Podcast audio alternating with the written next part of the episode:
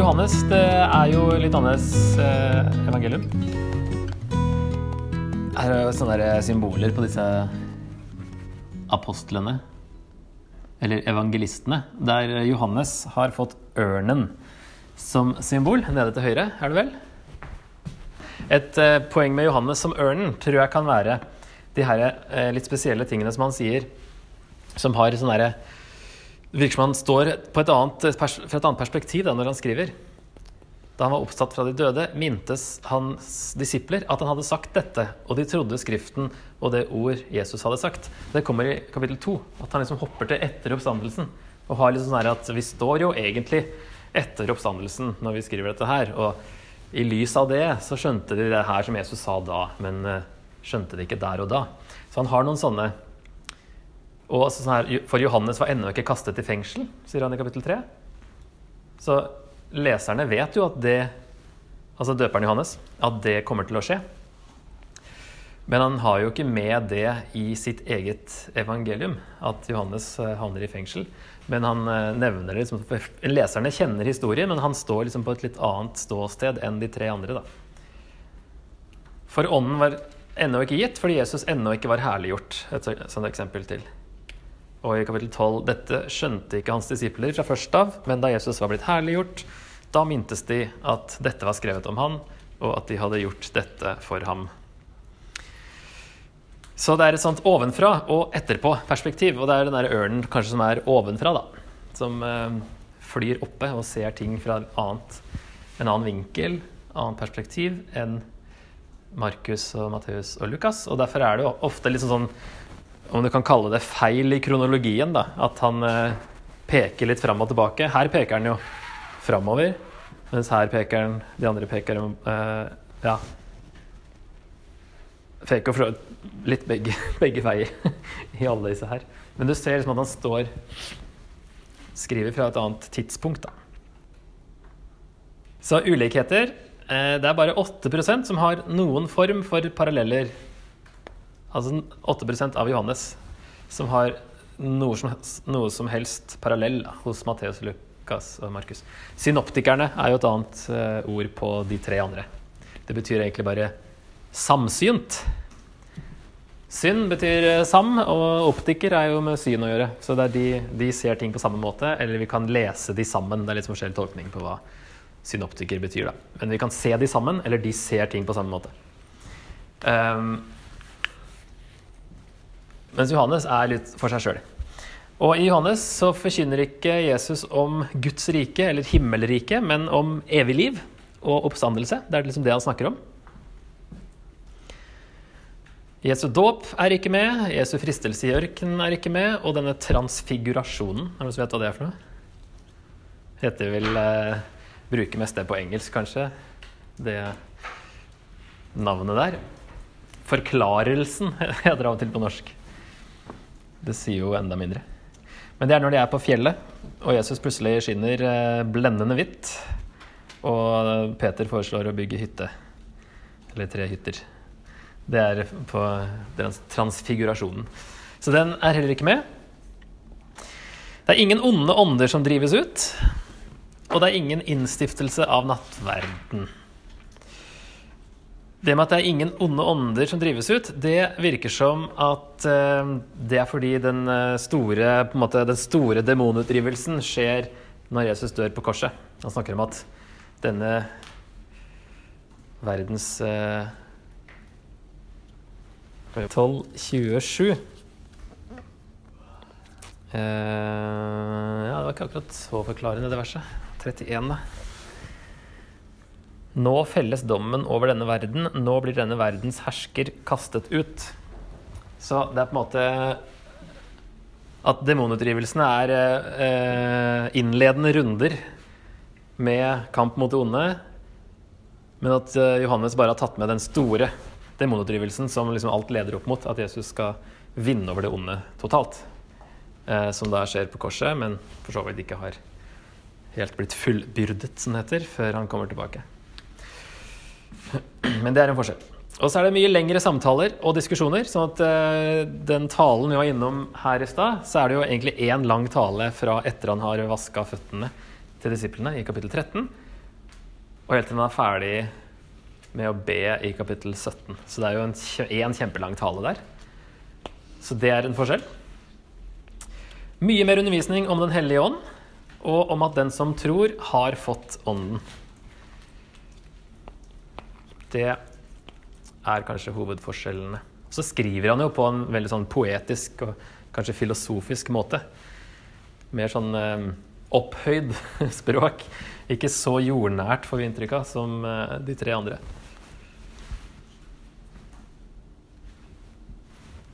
Andre ting som, eh, andre ting som vektlegges da, i Johannes, det er hvor Jesus kommer fra. Det er for så vidt forskjeller, det òg, fra de andre. Men at han, hans guddommelighet blir veldig tydelig i Johannes. At han er faktisk Gud som har blitt menneske. Han snakker mye om sin enhet med Faderen og sier flere ganger at 'jeg og far er ett'. Det er mye vann, som eh, litt mer vann her enn i de andre evangeliene. Som nok òg kan være symbolsk. Og at Gud tar bolig i den som tror. Det er jo for det som vi så i stad, at ånden, den som tror, har allerede fått ånden.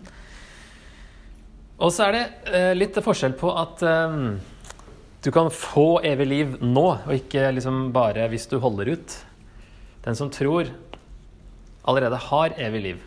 Og den som ikke tror, allerede er dømt. Så han legger liksom vekten på valget nå, da. At det evige livet begynner nå.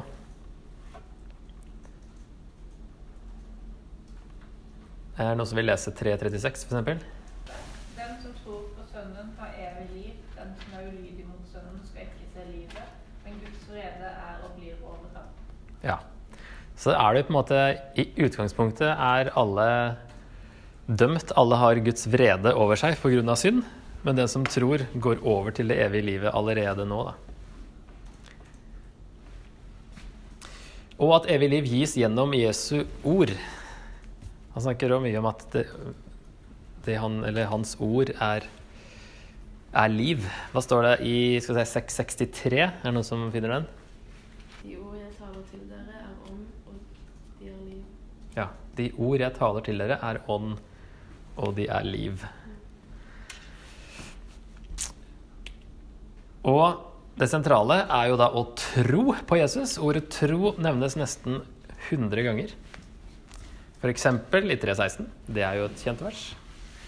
Um, men uh, det er et, et, ord som går igjen hele veien, og som tydelig uh, er poenget. I 6, 28 og 29 det er egentlig nyttig at du får lest, hvis noen tar det helt til slutt. Da sa de til ham, hvilke gjerninger er det da Gud vil vi skal gjøre? Jesus svarte, dette er den gjerning Gud vil dere skal gjøre. Tro på ham som Gud har sagt. Ja, der får han sagt det ganske greit. Hvilke gjerninger skal vi gjøre? Den gjerninga skal gjøre, er å tro. Det er litt uvant at uh, tro kalles en gjerning, men jeg tror Jesus gjør det for å forklare at det handler ikke om gjerninger. Den ene gjerningen er faktisk å bare tro. At det er veldig sentralt.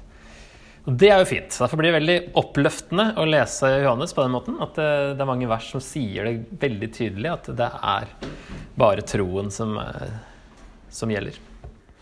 Eh, jeg tenkte vi skulle ta litt mer på bakgrunnen bakgrunn og intro og sånt, og få litt mer sånn um, Hva er det som er typisk for Johannes? Og ikke minst, hvem, hvem, er det som har skrevet det? Er det Johannes? For det står jo ikke noe sted, det, da. Alle, alle evangeliene er jo anonyme. Ja, Og hvem er det som er forfatter av Johannes evangeliet, ifølge Johannes evangeliet? Mm. Den disippelen som Jesus elsket, vitner om dette og har skrevet dette. Og vi vet at hans vitneutsagn er sant. Så det er eh, disippelen som Jesus elsket, som har skrevet dette. Og så er det noen som heter vi. vi vet. Hvem er det? Eh, og har de skrevet noe jeg å si, eh, basert på Johannes, f.eks., eller basert på den disippelen? Eh, et clou er at apostelen Johannes nevnes ikke ved navn. Og døperen Johannes kalles derfor bare Johannes. Så den eneste Johannes i Johannes-evangeliet er døperen Johannes. Det tenker noen er fordi nettopp Johannes er den disippelen som Jesus elsket. Hvis han skrev det sjøl, så er det jo litt sånn innbilsk å kalle seg for det, da. Ikke sant? Så det, det, eh, det er noe som har lurt på liksom, ja, Hvis han vil være anonym, så kunne han liksom bare ha skrevet Johannes. Ville ingen ha fått mistanke om at det var han som hadde skrevet det. Men når han skriver sånn, eller når det er, brukes det uttrykket, hva, hva betyr det, da? Eh, så er det gammel eh, kirkehistorisk støtte masse kirkefedre som har, eh, som har, sagt noe om det. At Johannes skrev det fra Efesus, at han flytta til Efesus på sine eldre dager og holdt til der. Og at han skrev det her til menighetene i Asia. Som også Johannes' åpenbaring er skrevet til. Der er det sju menigheter i Asia. Så veldig tidlig, helt fra første århundre, eller rundt århundre, da. Eh, Papias og Polykarp og Ireneus. Og du ser det står igjen eh, at han Polikarp han var en disippel av Johannes, og Ireneus var en disippel av Polikarp. Så det er ganske nært opp til Johannes, det her, da. Og Clement av Alexandria, Tertulian, Eusebius. Alle på to- eller så vidt 300-tallet. Og så er det ingen som har stilt noe spørsmålstegn ved om dette er en annen Johannes, f.eks. Selv om noen gjorde det med Johannes' åpenbaring. Så egentlig så er det veldig sånn kirkehistorisk veldig entydig om at det er apostelen Johannes. Og da er det jo mulig da at disse vi er noen andre som skriver med Johannes som kilde. Uansett så vil det da være evangeliet ifølge Johannes. Som det egentlig er overskriften. Det er egentlig ikke Johannes evangeliet, Matteus evangeliet, men det er ett evangelium om Jesus. Her har vi evangeliet om Jesus ifølge Johannes. Så legger han det fram på sin måte. Så har du evangeliet ifølge Matteus. Det er ikke at de har forskjellige evangelier, men det er ett evangelium, men fire vinkler, da. Så det er mulig enten at uh, altså det, det, Da får liksom ikke Da blir ikke Johannes så innbilsk hvis, han, hvis, det er noen andre som har gitt han uh, dette navnet. Vi skal se litt mer på det etterpå. At det er en, en, uh, noen kristne som kanskje har i hvert fall de som vitner, da. Vi vet. Enten er det Johannes som tar med seg leseren og alle kristne om at ja, alle vi vet at det jeg skriver, er sant. Det er jo en mulighet, da. I hvert fall at Johannes er eh, sentral i, i at det blir skrevet. Her i Epsus så har de graven til Johannes. Sankt Johannes in ja, Jeg vet ikke hva slags språk det skal være. Jo, det er engelsk, ja. The Tomb of St. John's er i hvert fall på engelsk her. Så det er i hvert fall gammel tradisjon på at uh, han er gravlagt der også. Den disippelen som Jesus elsket, han nevnes fem ganger. Den andre disippelen, eller en annen disippel, nevnes seks ganger, og de knyttes sammen til, an, altså til eh, å være disippelen som Jesus elsket, i 20 vers 2. Så det er nok sannsynligvis da den anonyme disippelen er den samme hele veien. Og ifølge Matteus og Markus så var det de tolv disiplene Jesus hadde nattvær sammen med. I hvert fall så får vi inntrykk av det, at det, var, det står liksom med de tolv disiplene. Så er det ofte da i Bibel, Bibelen så er det plutselig noen flere der som ikke har blitt nevnt. Men vi får i hvert fall inntrykk av at det er sammen med de tolv. Og da vet vi at i Johannes så nevnes Peter og Andreas og Philip og Thomas og Judas ved navn. Og da kan jo denne disippelen som Jesus elsket, i teorien være hvem som helst av de andre som ikke nevnes ved navn. Altså på bildet her så er det jo det ser nå veldig trøtt ut, men det skal være Johannes som sitter nærmest Jesus. da. Som vi leser i Eller iallfall den disippelen som Jesus elsket, satt nærmest Jesus under nattverden. Og Det vil jo mest sannsynlig være Peter, Jakob eller Johannes, for det var de tre som sto nærmest Jesus. De som fikk være med på stort sett alt som noen andre fikk være med på. Det er ikke alle disiplene som får oppleve alt, men de tre var nærmest Jesus. Og så nevnes Peter ved navn her. Og Jakob han døde veldig tidlig. Han er den første som dør i Apostelens i 12, allerede år 44. sånn at det vil jo tyde på at den disippelen som Jesus elsket, eh, kanskje hadde et aller nær, nærest forhold med, da. Eller forhold til, var eh, Johannes. Og da kan det være da at dette er et navn som ble gitt Johannes av denne Hvem nå det var som sto bak vi, som vi så i stad. At han ikke har fant på det sjøl, men at de kalte han for det. At de visste at han sto Jesus nær. Men det har vært mange teorier på hvem denne disippelen som Jesus eh, elsket var. Til og med Lasarus har vært et forslag, og mye annet. Fordi han må liksom kjenne til Ha liksom sånn eh, eh, bekjentskaper i de høyere kretsene i Jerusalem, siden han får komme inn når Jesus eh, I rettssaken til Jesus så får Johannes han kjente øverstepresten, står det, så han fikk komme inn mens Peter måtte være utafor. Så han måtte ha en eller annen connection inn der. Og så hadde man lurt på om det kanskje Hvordan hadde Johannes en connection der? Var Johannes høyt utdanna?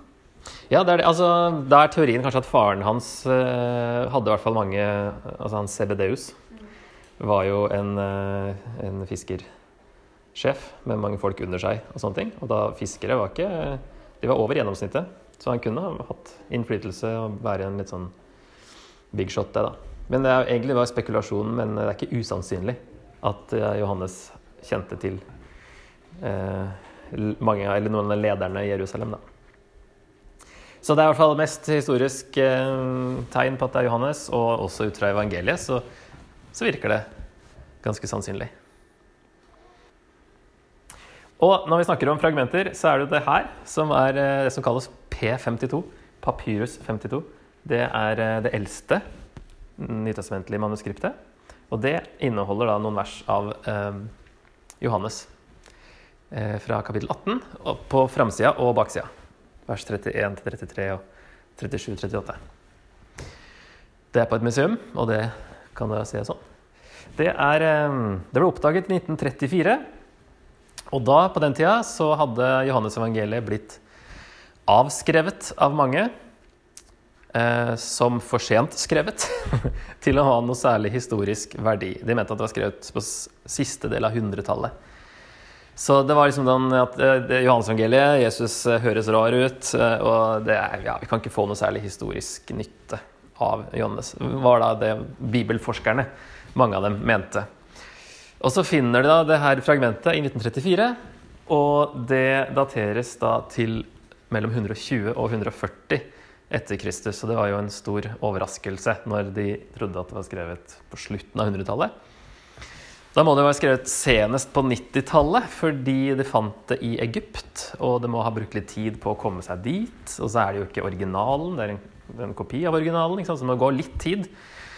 Så da lander man liksom rundt 90, da. Det er kanskje 100 år, nesten 100 år tidligere enn det disse forskerne hadde funnet ut, basert på litt feil grunnlag, da.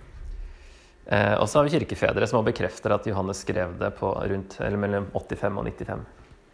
Så det er jo noe av det siste som er skrevet i Nyttårsmøtet, men når de fant den her, så, så eh, ble det da Måtte de flytte datoen kraftig, og eh, eh, Johannes fikk jo mer kredibilitet også etterpå, når de arkeologi bekrefta ting, og dødehavsrullene som vi fant på, i 1947. Da bekrefta det også denne dualismen. Lys, mørke, liv, død. Som vi ser mye av hos Johannes. Som de mente at det her kom ikke før senere. Ikke? Men så ser vi at det var allerede rundt år null. Eh, Dødehavsrullene er jo fra rett før Jesus, egentlig. Og der snakker de jo mye om sånn lys og mørke. Og sånn, da. Så da, da fikk man større tro på Johannes òg, da. Men så er jo alle altså det er bibelforskerne. De driver sin egen sak. Og så har du alle de som faktisk tror på Bibelen da, og det som står. Som ikke hadde liksom brydd seg så mye om datering og hva de forskerne mente. Og det som er interessant, er jo at på eh, det lille fragmentet her, så er det den samtalen med Jesus og Pilatus. Har med påsken å gjøre. Um, og der spør Pilatus Du er altså konge, sa Pilatus. Du sier at jeg er konge, svarte Jesus. For å vitne om sannheten er jeg født, og derfor er jeg kommet til verden. Hver den som er av sannheten, hører min røst. Og det siste der, siste, setningen er visstnok ekstra tydelig på det fragmentet. Hver den som hører hver den som er av sannheten, hører min røst. Og For mange så ble det en sånn bekreftelse på liksom at eh, bibelforskerne hadde avskrevet hele evangeliet, som har liksom noe direkte med Jesus å gjøre. Men de som er av sannheten, de hørte Jesus gjennom Johannes evangeliet uansett. Og så finner de det her, og så er den setningen ekstra tydelig. Så det er litt sånn derre adda badda, liksom. Når de finner det fragmentet. De som er av sannheten, de har trodd på det her hele tiden. Men her har det et bevis på at det er faktisk gammelt. Det er litt kult. Hensikt med evangeliet det får vi faktisk tydelig eh, i slutten av, vers, slutten av kapittel 20. Der skriver Johannes da Jesus gjorde også mange andre tegn for øynene på disiplene, tegn som det ikke er skrevet om i denne boken. Men disse er skrevet ned for at dere skal tro at Jesus er Messias, Guds sønn, og for at dere ved troen skal ha liv i hans navn. Tegn Vi kommer til det, at eh, det er noen tegn som han har eh, plukket ut. Og han har skrevet ned de for at dere skal tro at Jesus er Messias, Guds sønn. Og for at dere ved troen skal ha liv i hans navn. Så først og fremst så er det jo et, er det skrevet for et ikke-troende, gresktalende publikum. For han oversetter um, Det er noen i første kapittel allerede. Så er det en del oversettelser som ikke ville vært nødvendig hvis det var skrevet til jøder. F.eks. i 1.38. De svarte 'Rabbi, hvor bor du?' Rabbi betyr lærer, står det. ikke sant? Det vil jo enhver jøde ha skjønt. Og i 41 står det 'Vi har funnet Messias'. Messias betyr 'den salvede'. Det ville òg vært ganske unødvendig å si hvis det var til til i hvert fall hebraisktalende jøder, da, men jeg med at alle jøder hadde hørt ordet Messias. Eh, du skal hete Kefas. Det er det samme som Peter, står det i vers 42 også. Men nå skal jeg bare sjekke én ting her i uh, det her ene verset. Fordi det Jeg fant i hvert fall at um, Hvor var det? 1.38 Rabbi Ja. I 1.41 så er det 'Vi har funnet Messias'. Christ, eh, Messias betyr 'den salvede'. Og det er utrolig uvanlig. Jeg tror det er bare Johannes. Han har det også i kapittel 4 med hun enken, nei, enken, hun dama med, ved brønnen. Samaritanske dame. Der det står 'Messias' med greske bokstaver. For det er jo Kristus er jo det greske ordet, som alltid brukes ellers. Men her bruker han både Messias og Kristus i samme setning. Så det står først da eh, på gresk altså Eureka-uttrykket. Ikke sant? 'Jeg har funnet det'. Når de sier her 'vi har funnet Messias', så er det 'hevrekamen ton messian'. Vi har funnet Messias. Så da har det litt sånn uvanlig at eh, de skriver et hebraisk ord, Messias, med greske bokstaver. Så det har han gjort her. Messias og Kristus. Ja, det var en detalj som dere fikk gratis. ok, Så hovedhensikten er da som sagt eh, at ikke-troende, kanskje først og fremst gresktalende, skal komme til tro. Um, det er jo mulig, da. Altså, noen vil um, si at det er først og fremst gresktalende jøder. Men da kan de ikke noe som helst hebraisk. Da. Det er litt rart, men det er jo sikkert mulig. At det er derfor han sier at Jesus er Messias. Fordi en greker vil liksom ikke ha noe uh, connection til Messias. da. Så det er mulig. Men i hvert fall så er det til ikke-troende gresktalende, men kanskje jøder, da. Trolig også oppbygge allerede troende som møtte motstand. Jeg kan se litt på det senere. Og så er det noen gamle sitater fra noen av disse kirkefedrene som eh, da muligens for å utfylle synoptikerne Han Clement av Alexandria på 200-tallet, var det vel? Slutten av 100 tror jeg. Så han sier da uh, her på engelsk But last of all, John, perceiving that the external facts had been made plain in the gospel, being urged by his friends and inspired by the Spirit, composed a spiritual gospel. Det er sånn de forsto det der, da. Så det er jo mulig at, uh, at han, vennene hans oppfordrer han til å skrive et evangelium, han da. Uh, lenge etter at de andre hadde blitt skrevet. At han skriver det på en, en mer åndelig måte. Der du får liksom mer de åndelige sannhetene eh, kanskje tydeligere eh, som kommer ut av det Jesus sa. Eh, at han forklarer det på en, liksom en åndelig måte, da, men at det er egentlig de samme tingene. Og så er det noen ting som ikke er med andre steder, som han har tatt med for å utfylle, kanskje. da. Og så er det også muligens for å gå imot gnostikere. For her har vi da et sitat av Ireneus, også rundt år eh, ja, slutten av 100-tallet, vel. Johannes, Herrens disippel, forkynner denne tro og søker ved å proklamere evangeliet og fjerne den vranglæren som Serintus hadde spredt blant folk. Han var jo en kjent gnostiker. Slik at, slik at han kunne motbevise dem og overbevise dem at det finnes bare én Gud, som skapte alle ting ved sitt ord, og ikke, som de hevder, at skaperen var én, men Faderen og Herren en annen, og at skaperens sønn var én, men at Kristus fra oven var en annen. Så de hadde sine, det snakka vi om, sine tolkninger. Sånn at de, de mente at skaperverket var ondt. Eh, altså alt det fysiske var negativt. ikke sant? Poenget var å bli fri fra kroppen. Fordi skaperverket var ikke godt i utgangspunktet. Det var egentlig en tabbe. Og det var ikke skapt av den høyeste Gud, men av en sånn lavere Gud. Så de skilte da mellom skaperen og faderen. at eh, vet ikke helt hvem, hvem som var eh, hvem, å si, men at i hvert fall en At eh, verden ikke var skapt av uh, Ja, mulig at skaperen da, var den herre underguden, og at Faderen var den, den over. Og at de skilte at Kristus, ikke sant? at Kristus, i hvert fall for denne Serintus-retningen, da, så mente de at Kristus kom eh, over Jesus bare i tre år, og så forsvant igjen før han døde. Så de hadde en annen eh, tolkning. Og at det er jo ting som tyder på at eh, Johannes eh, da kan ha skrevet mot gnostikerne, fordi han legger vekt på visse sånne ting, da. Og står det også en annen eh, sånn kirkehistorisk si, gammel historie om at Johannes møtte Hans Serintus en gang i et sånn bad, offentlig bad, og løp ut og roper liksom 'Kom dere vekk, for nå raser huset sammen, for den verste vranglæreren er der inne', eller et eller annet sånt. Han liksom, skal Gud dømme. Så Det hørtes litt mer sånn eh, legende ut, men eh, i hvert fall så er det gamle spor at han eh, hadde noe med Hans Serintus å gjøre, kanskje skrev imot det. Men først og fremst er det evangeliseringstraktat, men det kan være flere sånne underhensikter. Ok, Så den historiske situasjonen, da, hvis jeg er på 90-tallet Hva skjedde i år 70? Tempelet ble ødelagt. Og da, hvis vi er liksom et par 20 år senere, så er det nå bare, de, eh, bare fariseerne som er de religiøse lederne, siden da sadukeerne, som var, vi hører om i de andre evangeliene, de var knytta til tempelet.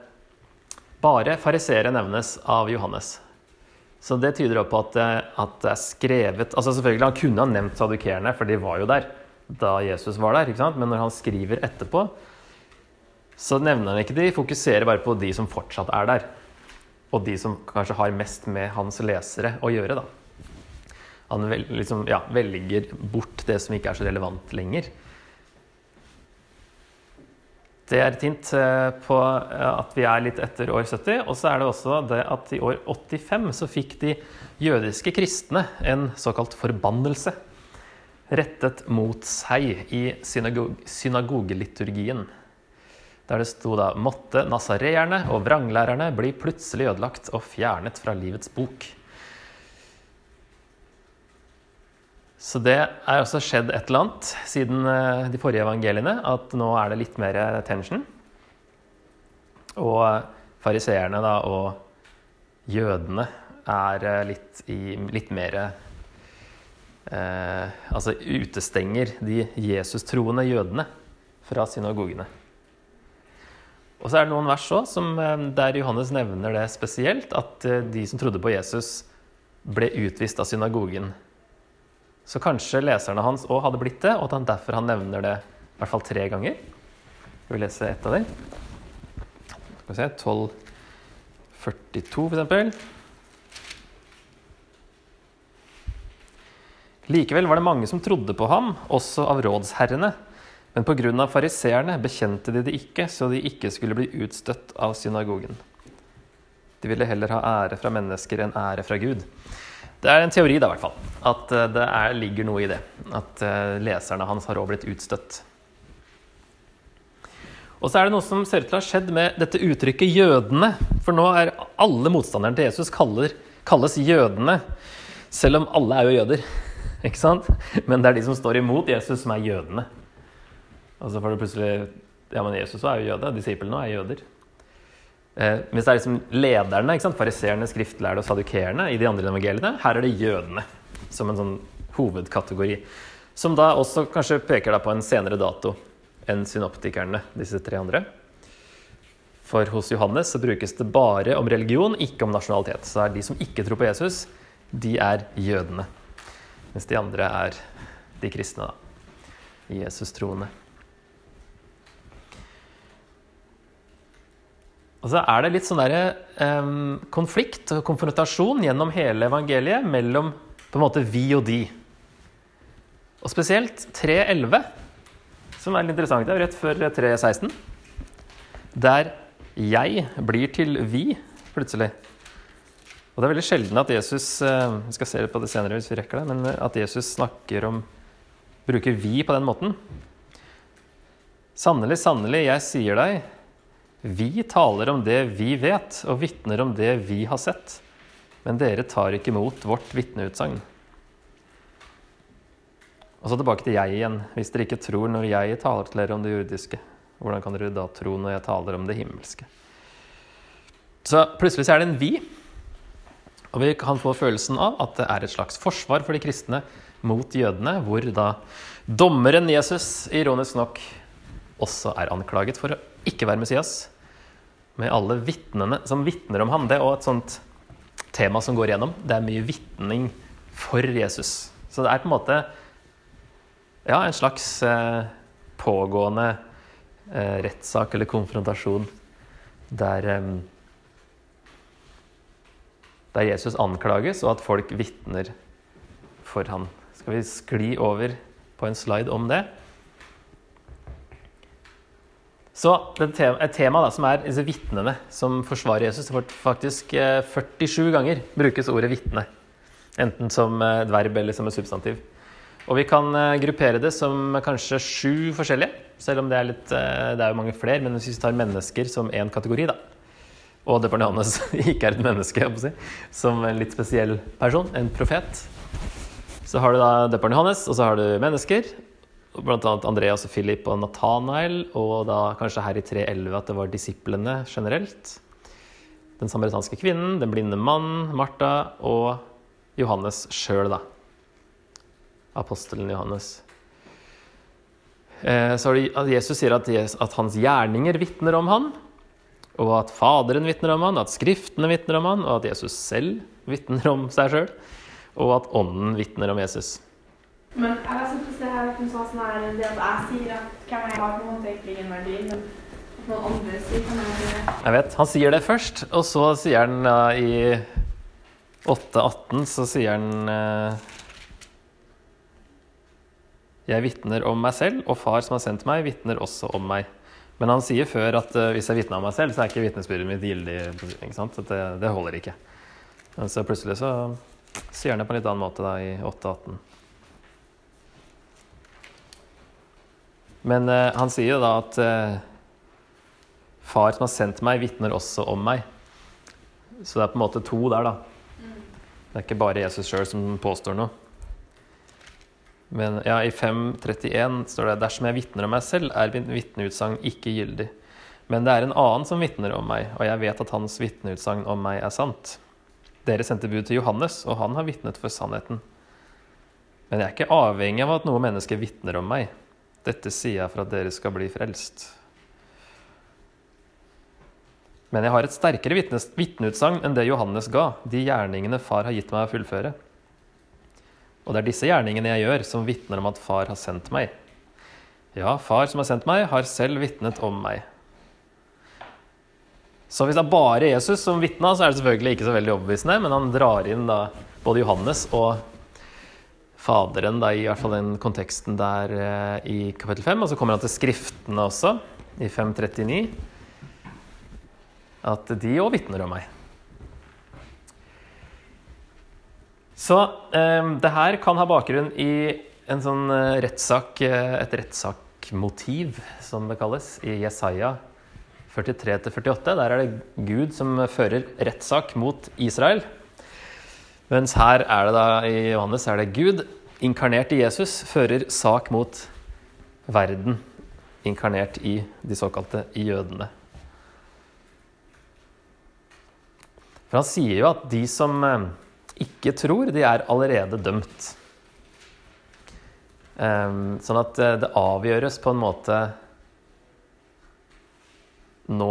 Hvis ikke du tror Det er masse vitner om Jesus. Det er eneste muligheten for å ikke bli dømt pga. all synd, da. Um, og det er mange som, som, står opp på benken og vitner om Jesus for å overbevise. Da. Så målet med alle de vitnene her er jo å lede til tro på Jesus. Så det er ganske mange.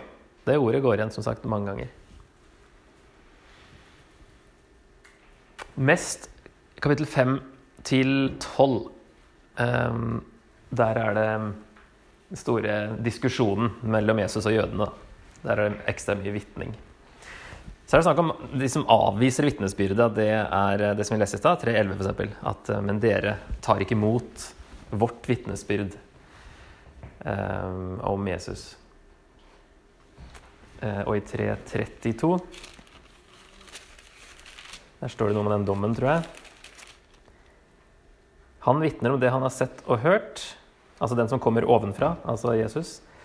Likevel tar ingen imot hans vitneutsagn. Men den som tar imot hans vitneutsagn, har skrevet under på at Gud taler sant. Så ender det opp til slutt med den som tror på Sønnen, har evig liv. Den som er ulydig mot Sønnen, skal ikke se livet, men Guds vrede er og blir over ham. Sånn som den er pga. synd over alle mennesker. Så forblir Guds vrede over synd over alle mennesker som ikke tror på Jesus. Så hvis du ikke tar imot vitneutsagnene, så er du fortsatt under dom, da. Ok. Hva eh, er Johannes kjent for? Noen spesielle utsagn av Jesus som eh, bare forekommer i Johannes evangeliet? Jeg tenkte på disse sju 'jeg er'-tingene som Jesus sier da. Jeg er livets brød, verdens lys, porten og den gode hyrde eller gode gjeter. I samme eh, lignelse, egentlig, så er Jesus både porten og gjeteren som går gjennom porten.